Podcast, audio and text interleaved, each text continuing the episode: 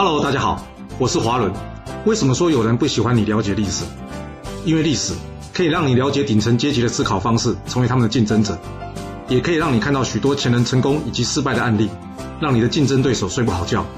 而最重要的是，历史可以让你了解人性。我们刚刚在战国第三十一集故事中讲到，这身为战国四公子之一的平原君呢，为了保持自己的名声呢，竟然对自己的小妾痛下杀手！啊，那这小妾做了什么罪大恶极的事吗？没有，他只是没有礼貌的笑了一个路人。虽然平原君一开始也没有理会，但后来在这路人的争取之后呢，平原君答应这个路人呢，要杀了他小妾以谢罪啊。其实平原君当初呢，只是糊弄糊弄他了，一开始呢，他也没打算要理会。但事态扩大之后呢，他毫不犹豫啊对自己小妾痛下杀手啊！你以为这是古代才会发生的事吗？想想看哦，这每次在选举的时候啊，一旦有人危及到大家的选情了，大家是不是第一个会做的事，就是像这平原君一样，挥刀砍向自己人啊？简单来说，就是白话断尾求生啊！所以这不是历史啊，也不是古人才会发生的事啊，而是活生生会发生在我们生活中的事啊！不管你与对方的关系有多好，也不管你与对方的交情有多深，只要你成为他赚钱或者他往上爬的绊脚石啊，大多数的人性会毫不犹豫的将你给抹杀掉！千万别去挑战人性啊！那我们能从今天故事中学到什么吗？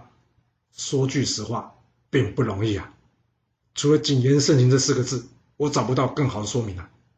想想这赵胜，也就是这平原君的小妾，他做出了什么？那不就很没有礼貌，嘲笑人？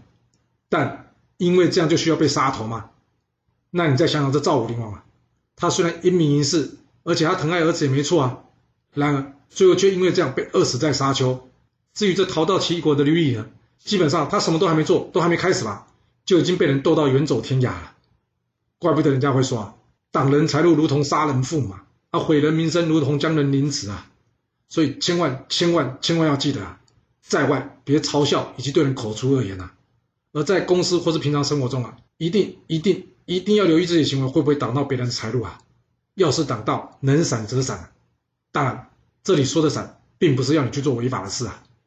就像我之前曾经说过我自己公司的事啊，我老板的行为让我觉得怪怪的，但是我的位置又刚好在这，我能选择的是呢，就是早早寻找下一个工作，以免挡人财路或是违法犯纪。生活简不简单？说真的，并不简单。那挡人财路交换工作，这个决定更是不容易。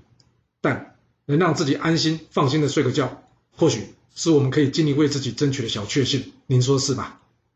若是您有其他的想法，也欢迎留言分享你的看法给大家哦。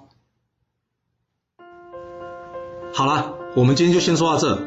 若是你想要知道完整版的故事内容，欢迎您可以到说明栏中找到我爱故事频道的连结。要是你喜欢这个频道，还要麻烦您动动你的手指。点赞、订阅、追踪，或是给我五星评价的支持，以及留言分享哦。谢谢您来收听，我们下次再见。